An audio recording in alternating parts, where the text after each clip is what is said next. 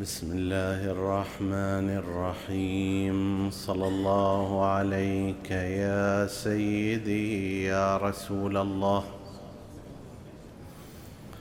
صلى الله عليك وعلى ابن عمك امير المؤمنين وعلى أهل بيتك الطاهرين ما خاب من تمسك بكم وأمن من لجأ إليكم. صلى الله عليك يا سيدي ويا مولاي يا أبا عبد الله الحسين. ما خاب من تمسك بكم وأمن من لجأ إليكم. يا ليتنا كنا معكم فنفوز فوزا عظيما. إن كان عندك عبرة تجريها فانزل بأرض الطاف كي نسقيها. فعسى نبل بها مضاجع صفوة ما بلت الأكباد من جاريها. ما بلت الأكباد من جاريها. ولقد وقفت على منازل عترة. ثقل النبوة كان ألقي فيها. فبكيت حتى خلتها ستجيبني. ببكائها حزنا على أهلي.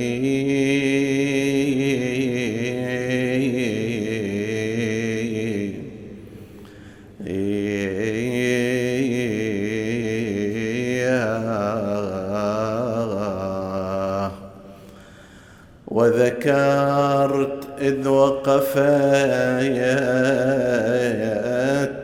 عقيلة حيدر مذهولة تصغي لصوت أخي.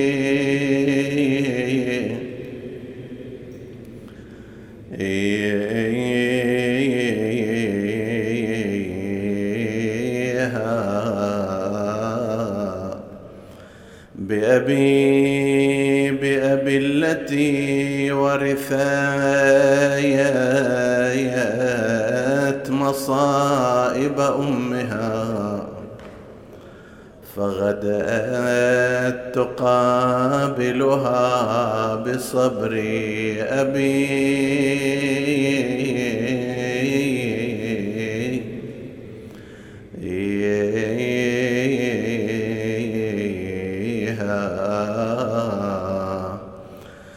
لم تلهى عن جمع العيال وحفظهم بفراق إخوتها وفقد بنيها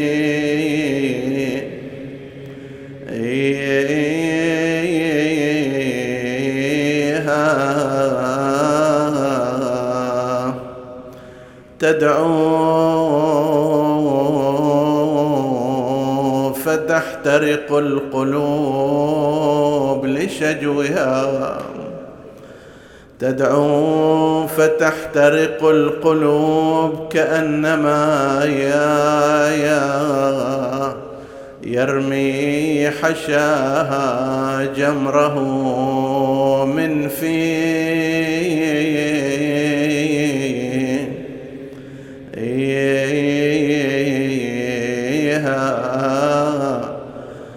هذه نساؤك من يكون إذا سرت في الأسر سائقها ومن حاديها أيسوقها زجر بضرب متونها والشمر يحدوها بسيب أبيها عجبا لها بالأمس أنت تصونها. واليوم آل أمية تبديه. حسرى يا أبا عبد الله حسرى وعز عليك أن لم يتركوا لك من ثيابك ساترا يكفيه. لكنما الأمر لله لا حول ولا قوة إلا بالله العلي العظيم. إنا لله وإنا إليه راجعون. وسيعلم الذين ظلموا أي منقلب ينقلبون. والعاقبة للمتقين.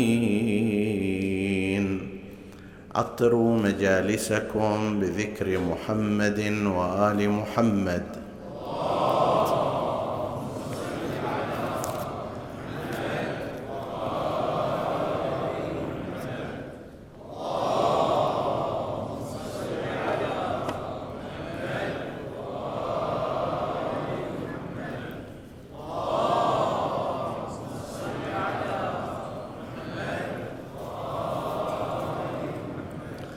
روي عن سيدنا ومولانا أبي الحسن الرضا. صلوات الله وسلامه عليه أنه قال إن يوم عاشورا قد أقرح جفوننا وأسال دموعنا وأذل عزيزنا بأرض كرب وبلاء إلى يوم الانقضاء. صدق سيدنا ومولانا أبي أبو الحسن علي بن موسى الرضا عليه السلام. حديثنا في هذه الليلة يتناول عنوان نحن وتفاصيل مقتل الإمام الحسين عليه السلام. في كل سنة كما هو المعتاد يتم قراءة مقتل الحسين سلام الله عليه في ليلة العاشر ويوم العاشر بشكل مفصل غالبا ويختلف ذلك التفصيل من متحدث إلى آخر ومن موضع إلى موضع. ولعل أشهر من تعرض إلى تفاصيل المقتل ولعله أطولها المرحوم الخطيب الشيخ عبد الزهر الكعبي رضوان الله تعالى عليه. ومنه انتشر هذا النمط مع أنه ربما كان العلماء أيضا قبله يقرؤون هذا المقتل. يقرؤون الحادثة ولكن لأسباب مختلفة نال هذا النمط وهو مقتل الشيخ الكعبي رحمه الله الانتشار العريض إلى يومنا هذا لعل الآن عمر بداية هذا المقتل إلى هذا الزمان قريب من خمسين سنة. أو نحو ذلك من أول يوم تلي فيه. في هذا المقتل عادة يستمع الناس وهم على طبقات مختلفة من الثقافة والمعرفة الدينية وتتبادر إلى أذهانهم أسئلة بحسب ذلك. هل هذه الروايات كلها صحيحة؟ هل أن هذه التفاصيل كلها واردة أو غير ذلك؟ تساؤلات بعضها مبعثها طلب المعرفة والتأكد بعضها تختلط مع شيء من التساؤل غير المتيقن وهكذا. يمكن لنا أن نتحدث عن تفاصيل مقتل الإمام الحسين عليه السلام في ثلاثة عناوين وأنها تنقسم إلى ثلاثة عناوين غالبا. العنوان الأول هو الروايات التاريخية المتقنة من حيث السند إما السند المعروف أو السند التاريخي. عندنا كثير من الروايات التي تصف مقتل الحسين عليه السلام بعضها وارد عن الإمام زين العابدين عليه السلام. بعضها وارد عن الإمام الباقر عليه السلام. وروى تلك الروايات عن الإمامين أصحابهم. وفي قسم منها كانت روايات بحث بحسب الأسانيد معتبرة وتامة من حيث السند. كذلك أيضا روي عن الإمام الرضا صلوات الله وسلامه عليه وعن الإمام الصادق وذكرنا في بداية أحاديثنا أن الكثير من ما يرتبط بقضية الحسين عليه السلام جاء في زماني الإمام الصادق عليه السلام والإمام الرضا باعتبار أن الوضع العام أسعفهما في أن يبين تفاصيل هذا المقتل كما بينوا تفاصيل روايات الأحكام والعقائد وما شابه. لكن هذا لا يعني أن بقية الأئمة ما تحدثوا فيه. مثلا عندنا في حياة الإمام الباقر عليه السلام رواية الدهني وهي رواية مفصلة جدا ويقول في بدايتها الإمام يقول في بدايتها عمار الدهني للإمام للإمام الباقر عليه السلام حدثني عن مقتل الحسين كأني شهدته. يعني أريد المقتل مفصل جدا. للأسف فإن الشيء المنقول وهو منقول في تاريخ الطبري وفي من تأخر عنه هذا هذه الرواية مبتورة ليست كاملة. ذكرنا ذلك في كتابنا عن الإمام الباقر عليه السلام أن هذا المقدار الذي نقله تاريخ الطبري ومن بعده من تأخر عنه لا يتناسب مع العنوان الذي ذكره في البداية وهو حدثني عن مقتل الحسين حتى كأني كنت حاضرا حتى كأني رأيته يعني بتفصيل التفصيل. فإن كل مذكور في تاريخ الطبري حدود صفحتين ونصف فقط. صفحتين ونصف من خروج الإمام الحسين عليه السلام من المدينة إلى شهادته في كربلاء. شنو تقدر تقول فيها؟ طيب نحن نعتقد اعتقادا جازما أنه تم بتر هذه الرواية من قبل إما نفس الطبري أو من تأخر عنه عندما لعبوا في طبعات الكتب وهذا معروف أن الأنظمة الحاكمة والسلاطين فيما بعد بدأوا يهذبون ويحذفون بعض ما كان قد, قد, قد كتبه المتقدمون. لكن بشكل إجمالي لو أن انسانا قام بجمع ما ورد من الأئمة المعصومين عليهم السلام من الإمام السجاد من الإمام الباقر من الإمام الصادق من الإمام الرضا ومن غيرهم من الأئمة لو جمع ما ورد عنهم سوف يتشكل هناك صورة مهمة جدا وواضحة عن مقتل الإمام الحسين سلام الله عليه.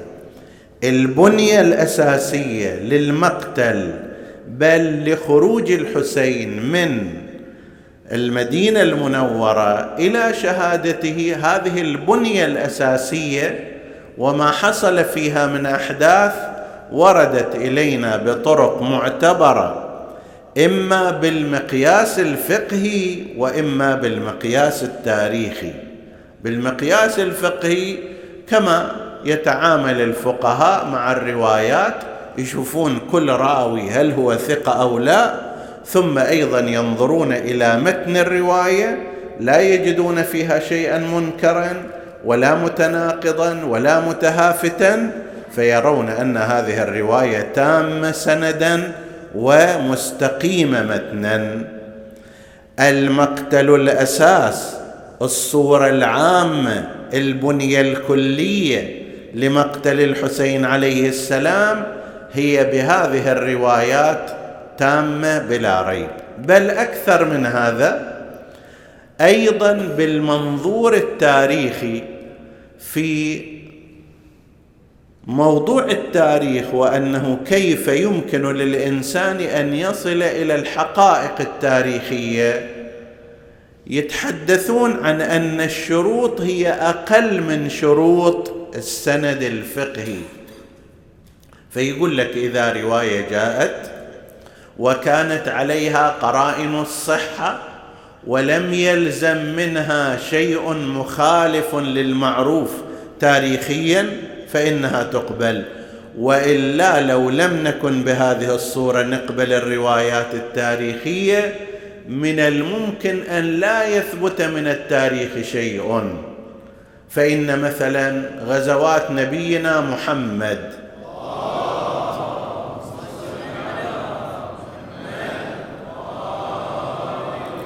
لو نريد نناقشها بطريقة الأسانيد الفقهية أكثر هذه الغزوات ما تكون ثابتة. فضلا عن تفاصيلها.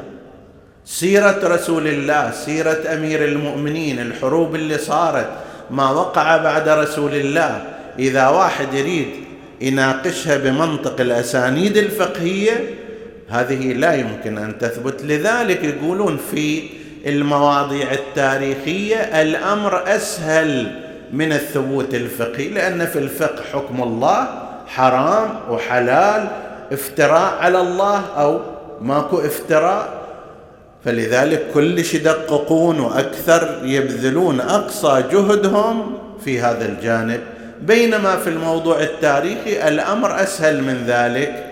فمتى ما كانت رواية تاريخية منسجمة عليها قرائن الصحة إليها معاضدات من جهات أخرى. لم يلزم منها محاذير ولا تناقضات ولا غير ذلك.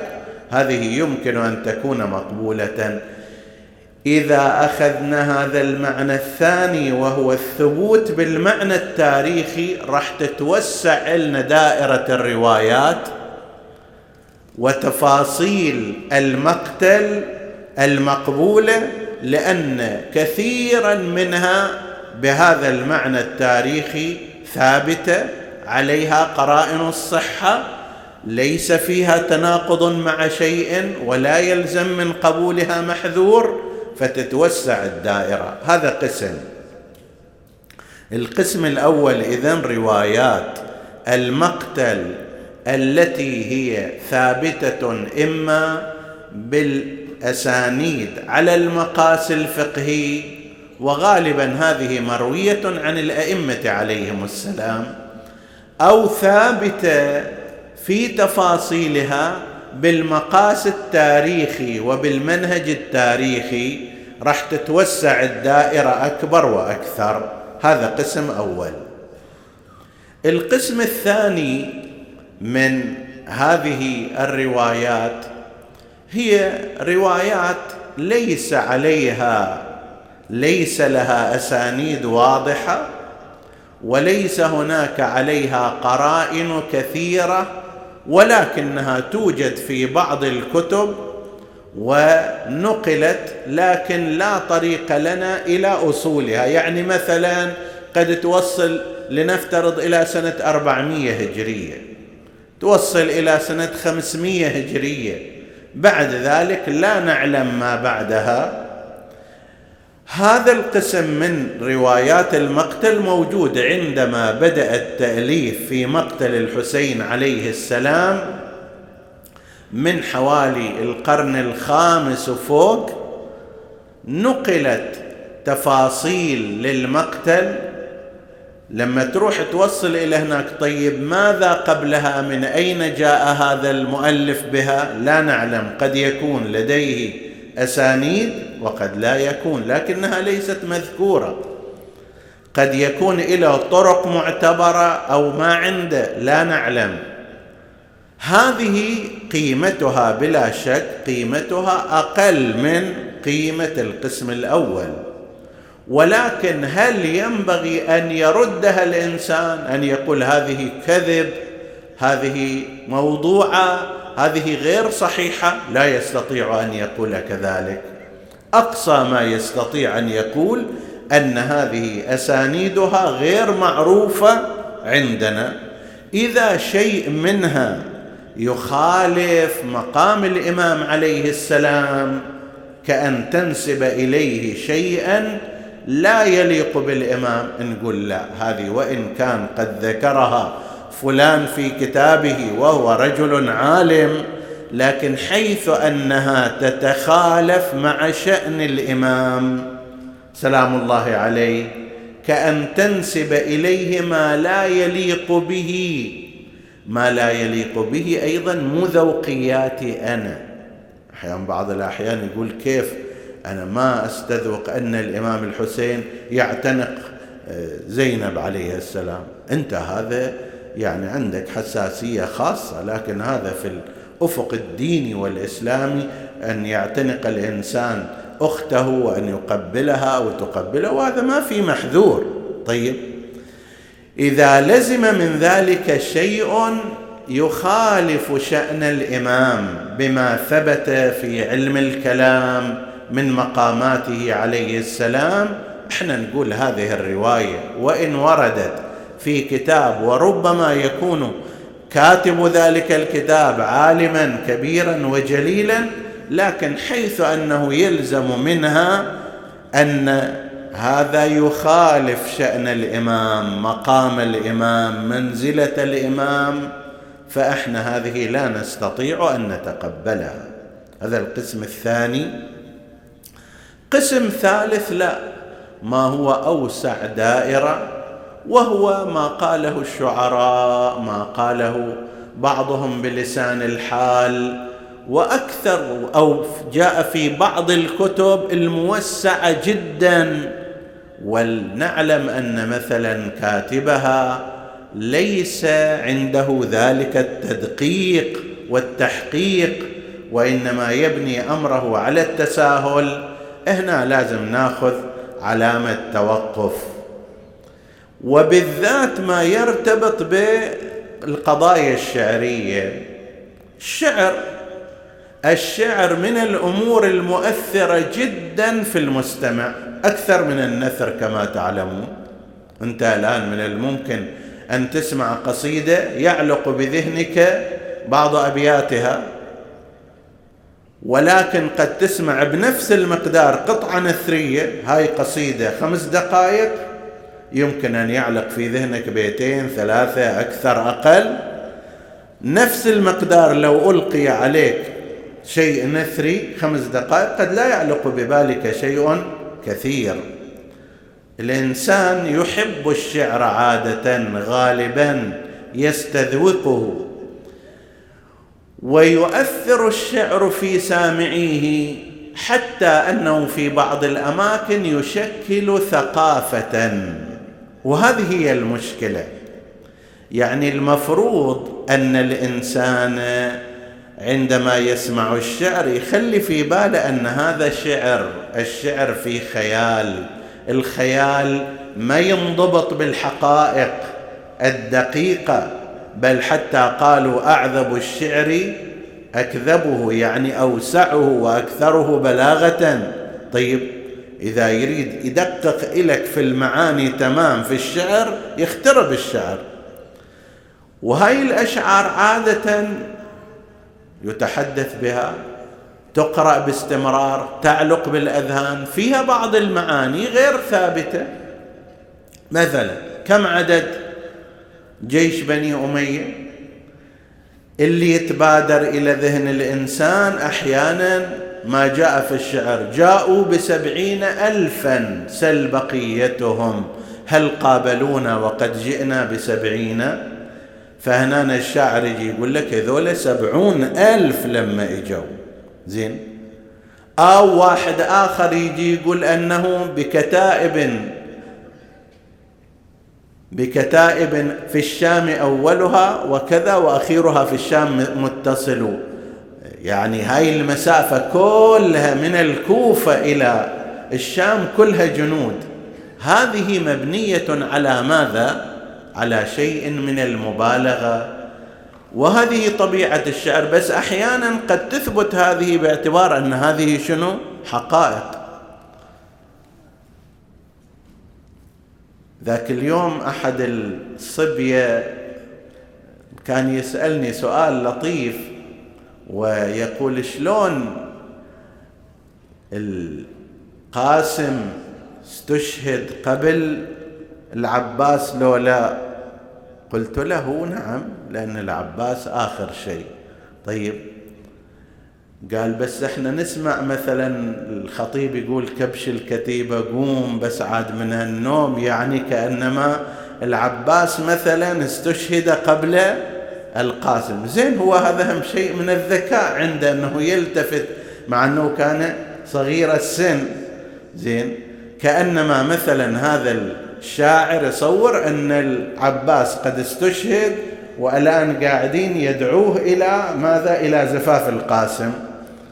هذا مثلا من أثر أن الشعر وهو الشاعر مو في مقام التدقيق بشكل دقيق ومحقق. عنده شيء صورة معبرة تجلب الحزن والأسى وهذه من فقرات القصائد المرغوبة عادة عند الناس والجميلة. بس فيها مثلا هذا أنه كيف يتقدم شهادة العباس على شهادة القاسم والحال أن العباس كان آخر الهاشميين. وأمثال ذلك كثير أو مثلا العشرين ما وصلن سنينك بالنسبة إلى علي الأكبر. تقرأ هذه باعتبار أن الشاعر جاء بها في هذا السياق. المعلوم أن عليا الأكبر أكثر من 26 سنة عمره. طيب ينبغي للإنسان أن يفرق وهذه فد مشكلة مشكلة الاختلاط بين المستوى الأول والمستوى الثاني والمستوى الثالث. كل واحد إذا يوضع في مقامه المقتل يكون في بنيته الأساسية سالما تاما قويا قضاياه الأساسية متقنة ما هو أوسع من ذلك بالنظر التاريخي أيضا كذلك ما جاء في بعض الكتب من غير أسانيد أيضا إذا لم يلزم منه هتك لمقام المعصوم وكانت عليه قرائن لا بأس بأخذه فكل واحد له درجة. لكن مثلا ما يرتبط بالشعر قد يكون الشاعر مو في هذا المقام أكثر أصلا. احيان كثيرة أنت تسمع من الخطيب مثلا شعرا بينما هو يخالف حقيقة تاريخية كما ذكرنا قبل قليل. الإنسان الحكيم والعاقل إذا فرق بين هذه المستويات ما راح يصير عنده مشكلة. أما إذا كلها خلطها مع بعض وخلى كل المقتل هو هذا من المستوى الأول والثاني والثالث هنا يصير عنده الإشكال ويصير عنده مثل هذه المسألة التي ذكرناها. من المهم جدا أن الأخ المؤمن الأخت المؤمنة عندما ينظرون إلى ويستمعون إلى المقتل فيجدون بعض التخالف فيه. ما لازم يجي يقول أن مقتل الحسين فيه مشاكل لا هاي المستويات المختلفة أنا الخطيب ربما خلطتها. أنا الخطيب خلطتها فجبتها كلها في شيء واحد بينما كان الأولى مثلا إما التنبيه على هذا أو نسبته إلى من قاله ومن كتبه. زين؟ أحد المؤمنين أحد الإخوة المثقفين سألني عن موضوع جواد الحسين.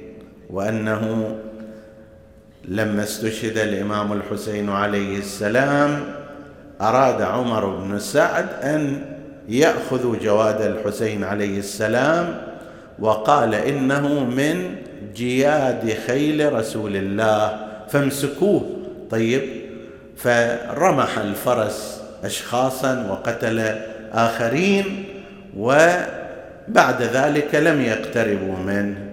فهو يسأل هل هذا من جياد خير رسول الله يعني من خيول النبي صلى الله عليه وآله أو لا؟ وقلت له يعني أقول له الآن أن المعروف أن الخيل لا سيما الخيل العربي عمره معدل ثلاثين سنة. بين خمسة وعشرين إلى ثلاثين سنة. نادر أن يكون أكثر مع أنه تاريخيا بل حتى معاصرا يبدو أن أحد الخيول اللي سجل في موسوعة جينيس أطول عمر زين في هذا الزمان عمره 56 سنة مات نفقه عن عمر 56 بس هذا جدا نادر. المعدل للخيل العربي الأصيل هو بين 25 سنة إلى ثلاثين سنة. زين لعل ذاك يجي يسأل كيف يكون بين زمان النبي صلى الله عليه وآله إلى زمان الحسين؟ هالمسافه الطويله وهالفترة الزمنية الكبيرة؟ هنا نظريتان. النظريه الأولى تقول أنه بالفعل الفرس المرتجز المرتجز هو أحد خيول رسول الله صلى الله عليه وآله وهو نفسه أيضا الذي ركبه أمير المؤمنين عليه السلام في صفين وركبه الحسين عليه السلام في كربلاء. هذا فكرة وهذا لا يمكن أن يكون إلا بأحد توجيهين. التوجيه الأول التوجيه الإعجازي. أن صحيح الخيول عمرها هذا المقدار لكن عن طريق الإعجاز ولبيان الاتصال بين رسول الله صلى الله عليه وآله وبين ابنه الحسين لا مانع من الناحية الإعجازية والغيبية أن يبقى هذا الفرس إلى ذلك الوقت. هذا توجيه. أو توجيه آخر أن المقصود ليس هو بذاته وإنما من نسله.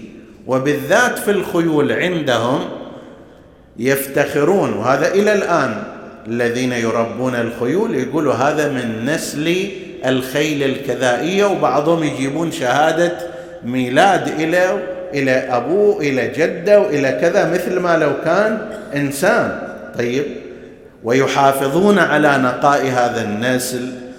فإذا كان بهذا المعنى الثاني لا مشكلة أن يكون الجيل الآخر 25 و25 هي تصير هذا ورسول الله صلى الله عليه وآله شهادته وفاته في سنة 11 الامام عليه السلام 61 25 و25 50 سنة أو 30 و30 كذلك. إما هكذا نقول أحد توجيهين توجيه الإعجازي أو التوجيه الذي لا ينتهي إلى أن هذا هو بالذات وإنما من يعني من نسل خيل رسول الله لا بالضبط هو. وهناك فكرة أخرى. من الممكن أن واحد يقول هذا الكلام من قاله؟ هل هو معصوم؟ حتى إحنا لازم إذا معصوم وثابت عنا لازم نروح وراء يعني توجيه اليه أما إذا لم يكن معصوما والمعروف أن الذي قال هذا الكلام هو عمر بن سعد. عمر بن سعد مو ذاك الرجل اللي دائما لازم يصدق بل مع ارتكابه لهذه الجريمة تنحط وثاقته إلى أدنى الدرجات. فليكن قال إنه من خي من من جياد خيل رسول الله صلى الله عليه وآله. هذا لا يلزمنا أن نفتش عن توجيه لذلك. نعم لو كان القائل لهذا الكلام شخص معصوم أو ناقلا عن معصوم إحنا لازم نروح ندور وراء. أما إذا لم يكن كذلك وبحسب التتبع فإن الذي قال هذه الجملة هو نفسه عمر بن سعد لأنه أراد منهم أن يقبضوا على فرس الحسين عليه السلام وقال إنه من جياد يعني من أجود خيل رسول الله صلى الله عليه وآله. فإما التوجيه الأول بناء على التوجيه الإعجازي أو التوجيه بأنه ليس المقصود نفسه وإنما من نسله أو أن يقول الإنسان أصلا هذا الكلام إحنا مو ملزمين بتوجيهه والأخذ به لأن القائل له هو عمر بن سعد إلا أن يكون شيئا مشهورا عند الناس ذاك شيء آخر. وبالتالي إذا نقل عن معصوم مثلا إذا ثبت في خطبة الإمام عليه السلام أوليست هذه ناقة رسول الله أو أوليس هذا خيل رسول الله. إذا ثبت هذا الكلام نلجأ إلى قضية التوجيه بحسب الإعجاز أو التوجيه بحسب تعدد النسل. وأما إذا لم يثبت هذا عن معصوم فلسنا بمضطرين إلى توجيهه. الشاهد من كل ذلك على أن هناك مشكلة تحدث وهي الخلط بين مستويات تفاصيل المقتل الحسيني وهذه التفاصيل بعضها يثير السؤال طيب مثلا يجي يقول لك أن الآن لما الشمر لعنة الله عليه كان ينحر الحسين عليه السلام كان الحسين يقول أقتل وأنا ابن فاطمة الزهراء عليه السلام؟ طيب أقتل عطشانا وأنا ابن فاطمة الزهراء. فيجي واحد يسأل طيب هذا الكلام هل نقله الحسين؟ لو نقله الشمر إذا نقله الحسين الحسين استشهد بعد ذلك فلمن نقله؟ وإذا شمر نقله الشمر مو عادة أن ينقل مثل هذه الأمور على أنه هو أيضا لا يوثق بنقله. والجواب على ذلك أن هذا مما نقله المعصومون عليهم السلام. هذه الحوارات الداخلية الخاصة كثير منها إنما نقلها أهل البيت عليهم السلام وهم اخبروا بذلك بعلمهم الموجود عندهم يعني عندما يكون الإمام السجاد عليه السلام هو الذي نقل شيئا خاصا لا معنى لأن يتساءل من الذي نقل له ذلك.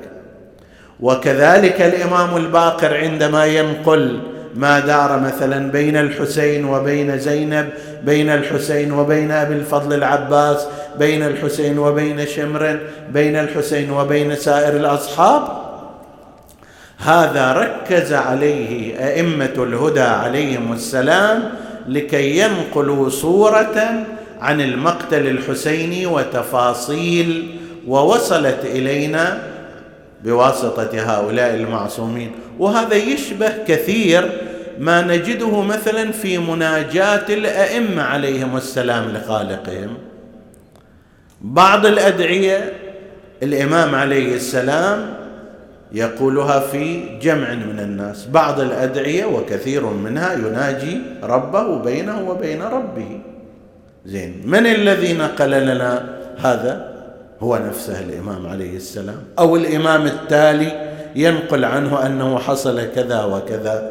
إحنا نشوف الإمام الرضا عليه السلام وهو متأخر بحسب الزمان حوالي 140 سنة عن مقتل الحسين عليه السلام. الإمام الحسين سنة 161 الإمام الرضا شهادته سنة 203 طيب؟ فحوالي 140 سنة تأخرت شهادته عنه. مع ذلك كثير من التفاصيل حول مقتل الحسين عليه السلام الإمام الرضا ينقلها. فمن هذه الجهة ينبغي أن لا يكون هناك إشكال في هذه الجهة ابدا.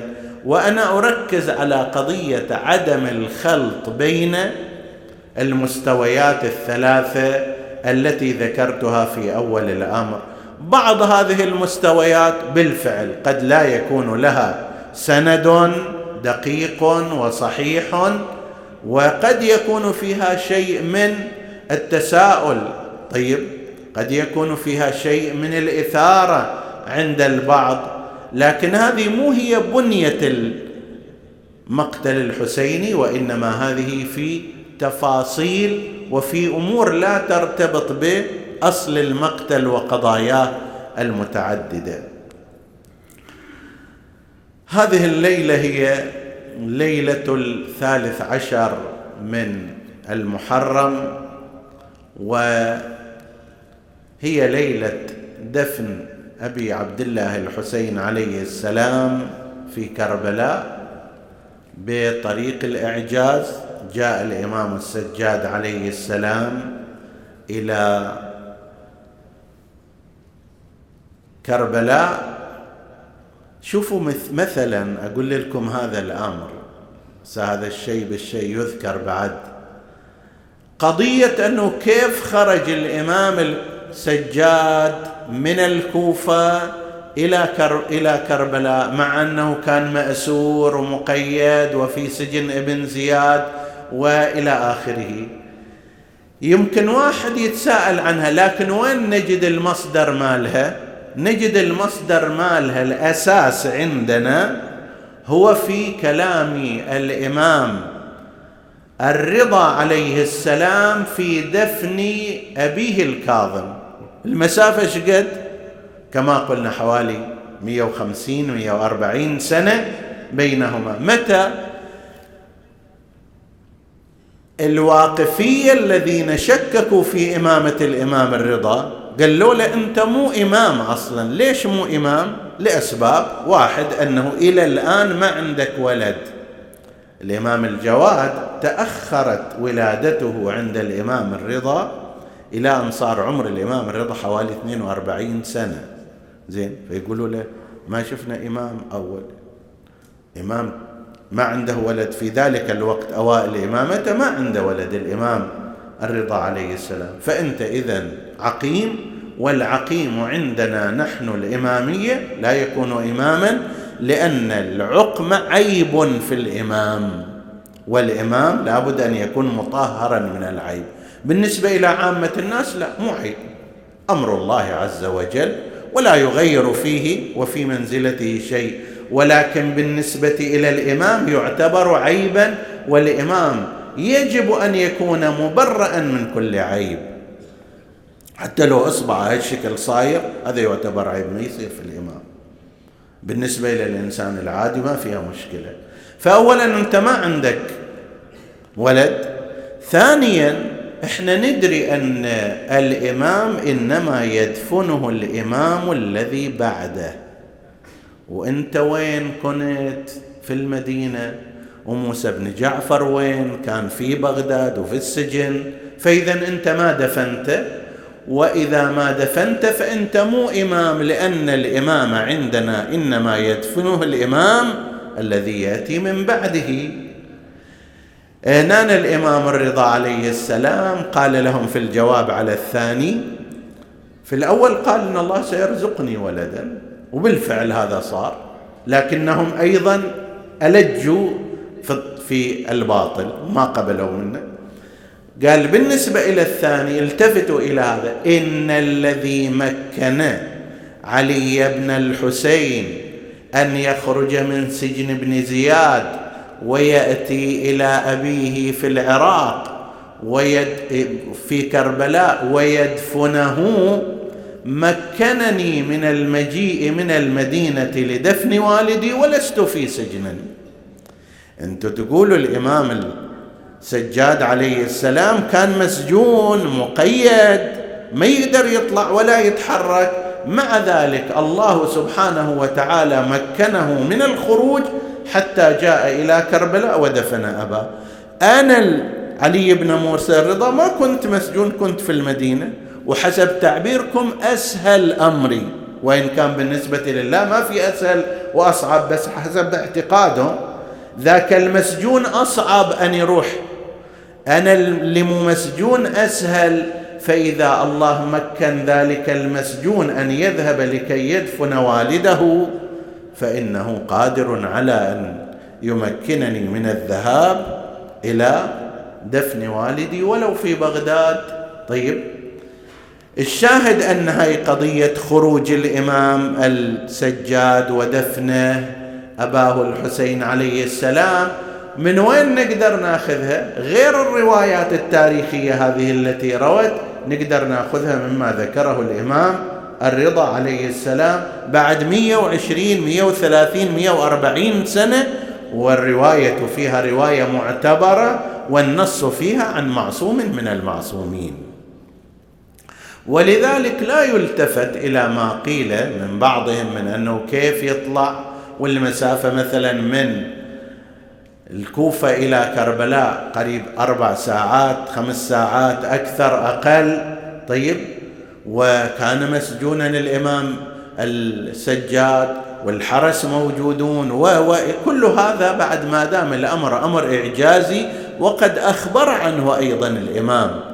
الرضا عليه السلام أخبر عنه إمام معصوم فهذه كلها لا يكون لها معنى ابدا. ساعد الإمام عليه السلام في دفن أصحاب الحسين بنو أسد الذين كانوا مقيمين قريبا من كربلاء.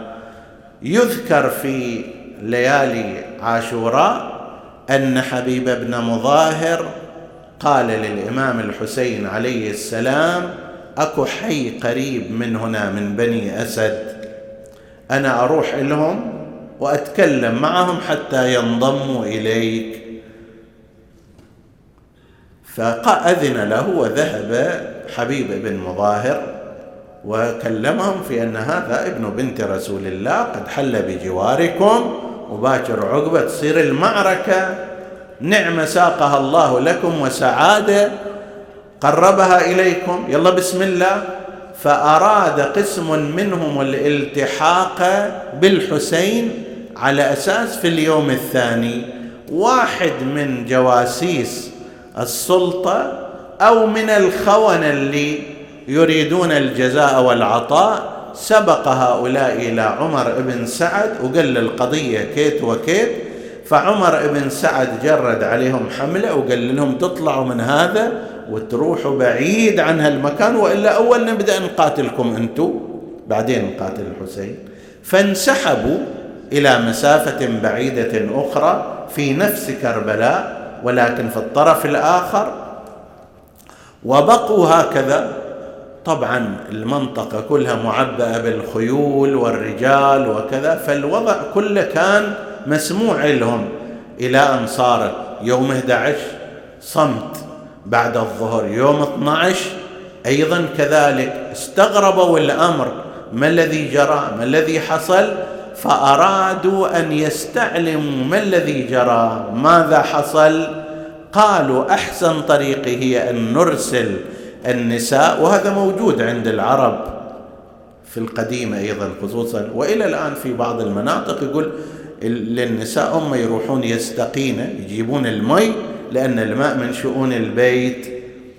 فقالوا لنسائهم يذهبون إلى شريعة الفرات ويملأن القرب وفي نفس الوقت هم يطلعوا على الوضع شنو صار. جاءت النساء على هذا الأساس استكشاف وحتى أيضا يملا لهم قرب الماء وإذا بهذه النساء يرون تلك المعركة. ويجدن تلك الأجساد التي تركت على الرمضاء لأن اللؤماء أولئك جيش بني أمية دفنوا جنودهم في حفرة واحدة وتركوا أصحاب الحسين وأهل بيته وسيدهم الحسين تركوا جنائزهم على الرمضاء. هكذا مطروحة تصهرها حرارة الشمس وتسفي عليها الرياح الذاريات ولما طلبت العقيله زينب عليه السلام ونادت يا قوم أما فيكم رجل مسلم فيواري هذا الغريب؟ ويا ليتها ما قالت هذا الكلام وندمت عليه. وإذا بأولئك اللؤماء بدل ما يقوموا بدفن الحسين وأصحابه صعدوا على ظهور خيولهم وداسوا صدر الحسين. معركة فيها على الأقل قريب المئة شخص من الشهداء صغار كبار شباب بعضهم على الشريعة بعضهم عند الخيام بعضهم في وسط المعركة. هال النساء هذا الأمر وأرعبن منه ورجعن مسرعات إلى رجالهن وهن يلطمن على وجوههن ويبكين. ما الذي جرى؟ ماذا حدث؟ قالت هذه النساء لرجالهن إحنا قصدنا المشرعه وجينا المعاره وشفنا جسد مطروح وتركنا حياره ما هذا الجسد؟ جسد الحسين عليه السلام ويما ولد مثل البدر نور يتلا وكثر الضرب والطعن ما غير جماله ما تنحص جروحه مقنطر على شمال الله يعاين الفقدة الاثنين وفطر مراير نجسد يم الشريعة مذبوح لكن ذبحته. والله فجير حتى من الزندين شفينا قطير صاحب علم جنة وسلالة هاشمي. آه ما تنحص جروحه أويلي هذا بطل هذا قمر العشيرة صلوات الله وسلامه عليه مقنطر على شماله هذا البطل الهاشمي صلوات الله وسلامه عليه. لما سمع الرجال ذلك قاموا بأجمعهم إلى حيث المعركة وجاءوا فإذا بهم يرون هذه المعركة ويرون ما فيها ويرون الأجساد فلطموا صدورهم ولطموا خدودهم ونادوا ونحن ننادي وحسينا وسيدا. وابن رسول الله. لكن احتاروا الآن ماذا يصنعون؟ هل يدفنون هذه الأجساد؟ وكيف يدفنونها؟ وكثير منها بلا رؤوس. ولا يعرفون أيضا أوصالها لأن بعضها أيديها مقطعة. بعض تلك الأجساد حتى الخنصر مقطوع بأبي وأمي. على صاحبه السلام بينما هم كذلك وإذا برجل قد أقبل من جهة الكوفة تنحى بنو أسد عن تلك الأجساد خافوا أن يكون من عيون بني أمية ولكن جاء الإمام زين العابدين عليه السلام ونادى يا بني أسد يا بني أسد علي بباريه بعد أن أمرهم بحفر قبور لتلك الأجساد. أما قبر الحسين فكان محفورا مهيئا. نادى علي بباريه قالوا ما تصنع بالباريه قال أجمع فيها أوصال أبي الحسين.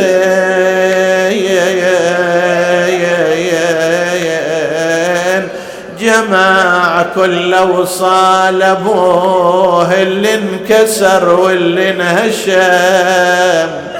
حتى حتى قطعة قلبه اللي استخرجوه بالسهم وحسينا ما بقى غير الكريم على الرمح يرعى الحرام.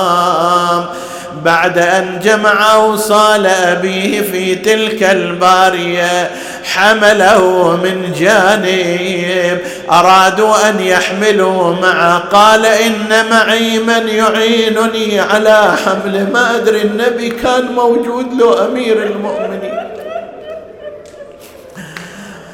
نحن من هذا المكان كأننا نتصور المشهد والإمام السجاد يتقدم حاملا نعش أبيه وكأنه ينادي لا إله إلا الله والله أكبر حتى أوصل إمامنا حتى أوصل جنازة إمامنا عند القبر. أنزله في قبره. أراد أن يهيل عليه التراب. يا سيدي يا أبا الحسن يا زين العابدين هل عملت بالمستحبات التي تطلب عند دفن المتوفى؟ هل وضعت خده على التراب؟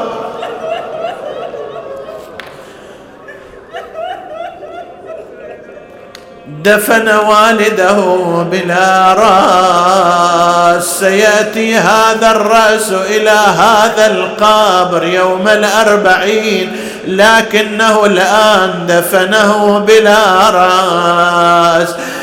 هل قبلته في جبينه؟ لا ولكن قبله في منحره. نادى أما الدنيا فبعدك مظلمة. وأما الآخرة فبنور وجهك مزهرة أما حزني فسرمد. إي والله زين العابدين ما هدت أحزانه صلوات الله وسلامه عليه. طيلة حياته كل شيء يذكره بالحسين. فحزنه سرمد أما حزني فسرمد وأما ليلي فمسهد. إلى أن يختار الله لي دارك التي أنت فيها مقيم. أويلي حين ظهر على ابو حسين والله يعلم بحاله. دال الجفن والتابوت لف ببارية وشال ولم الجسد لم قطع وجمع جملة وصالة. عجب من على قبره قلبه من شطر شطرين.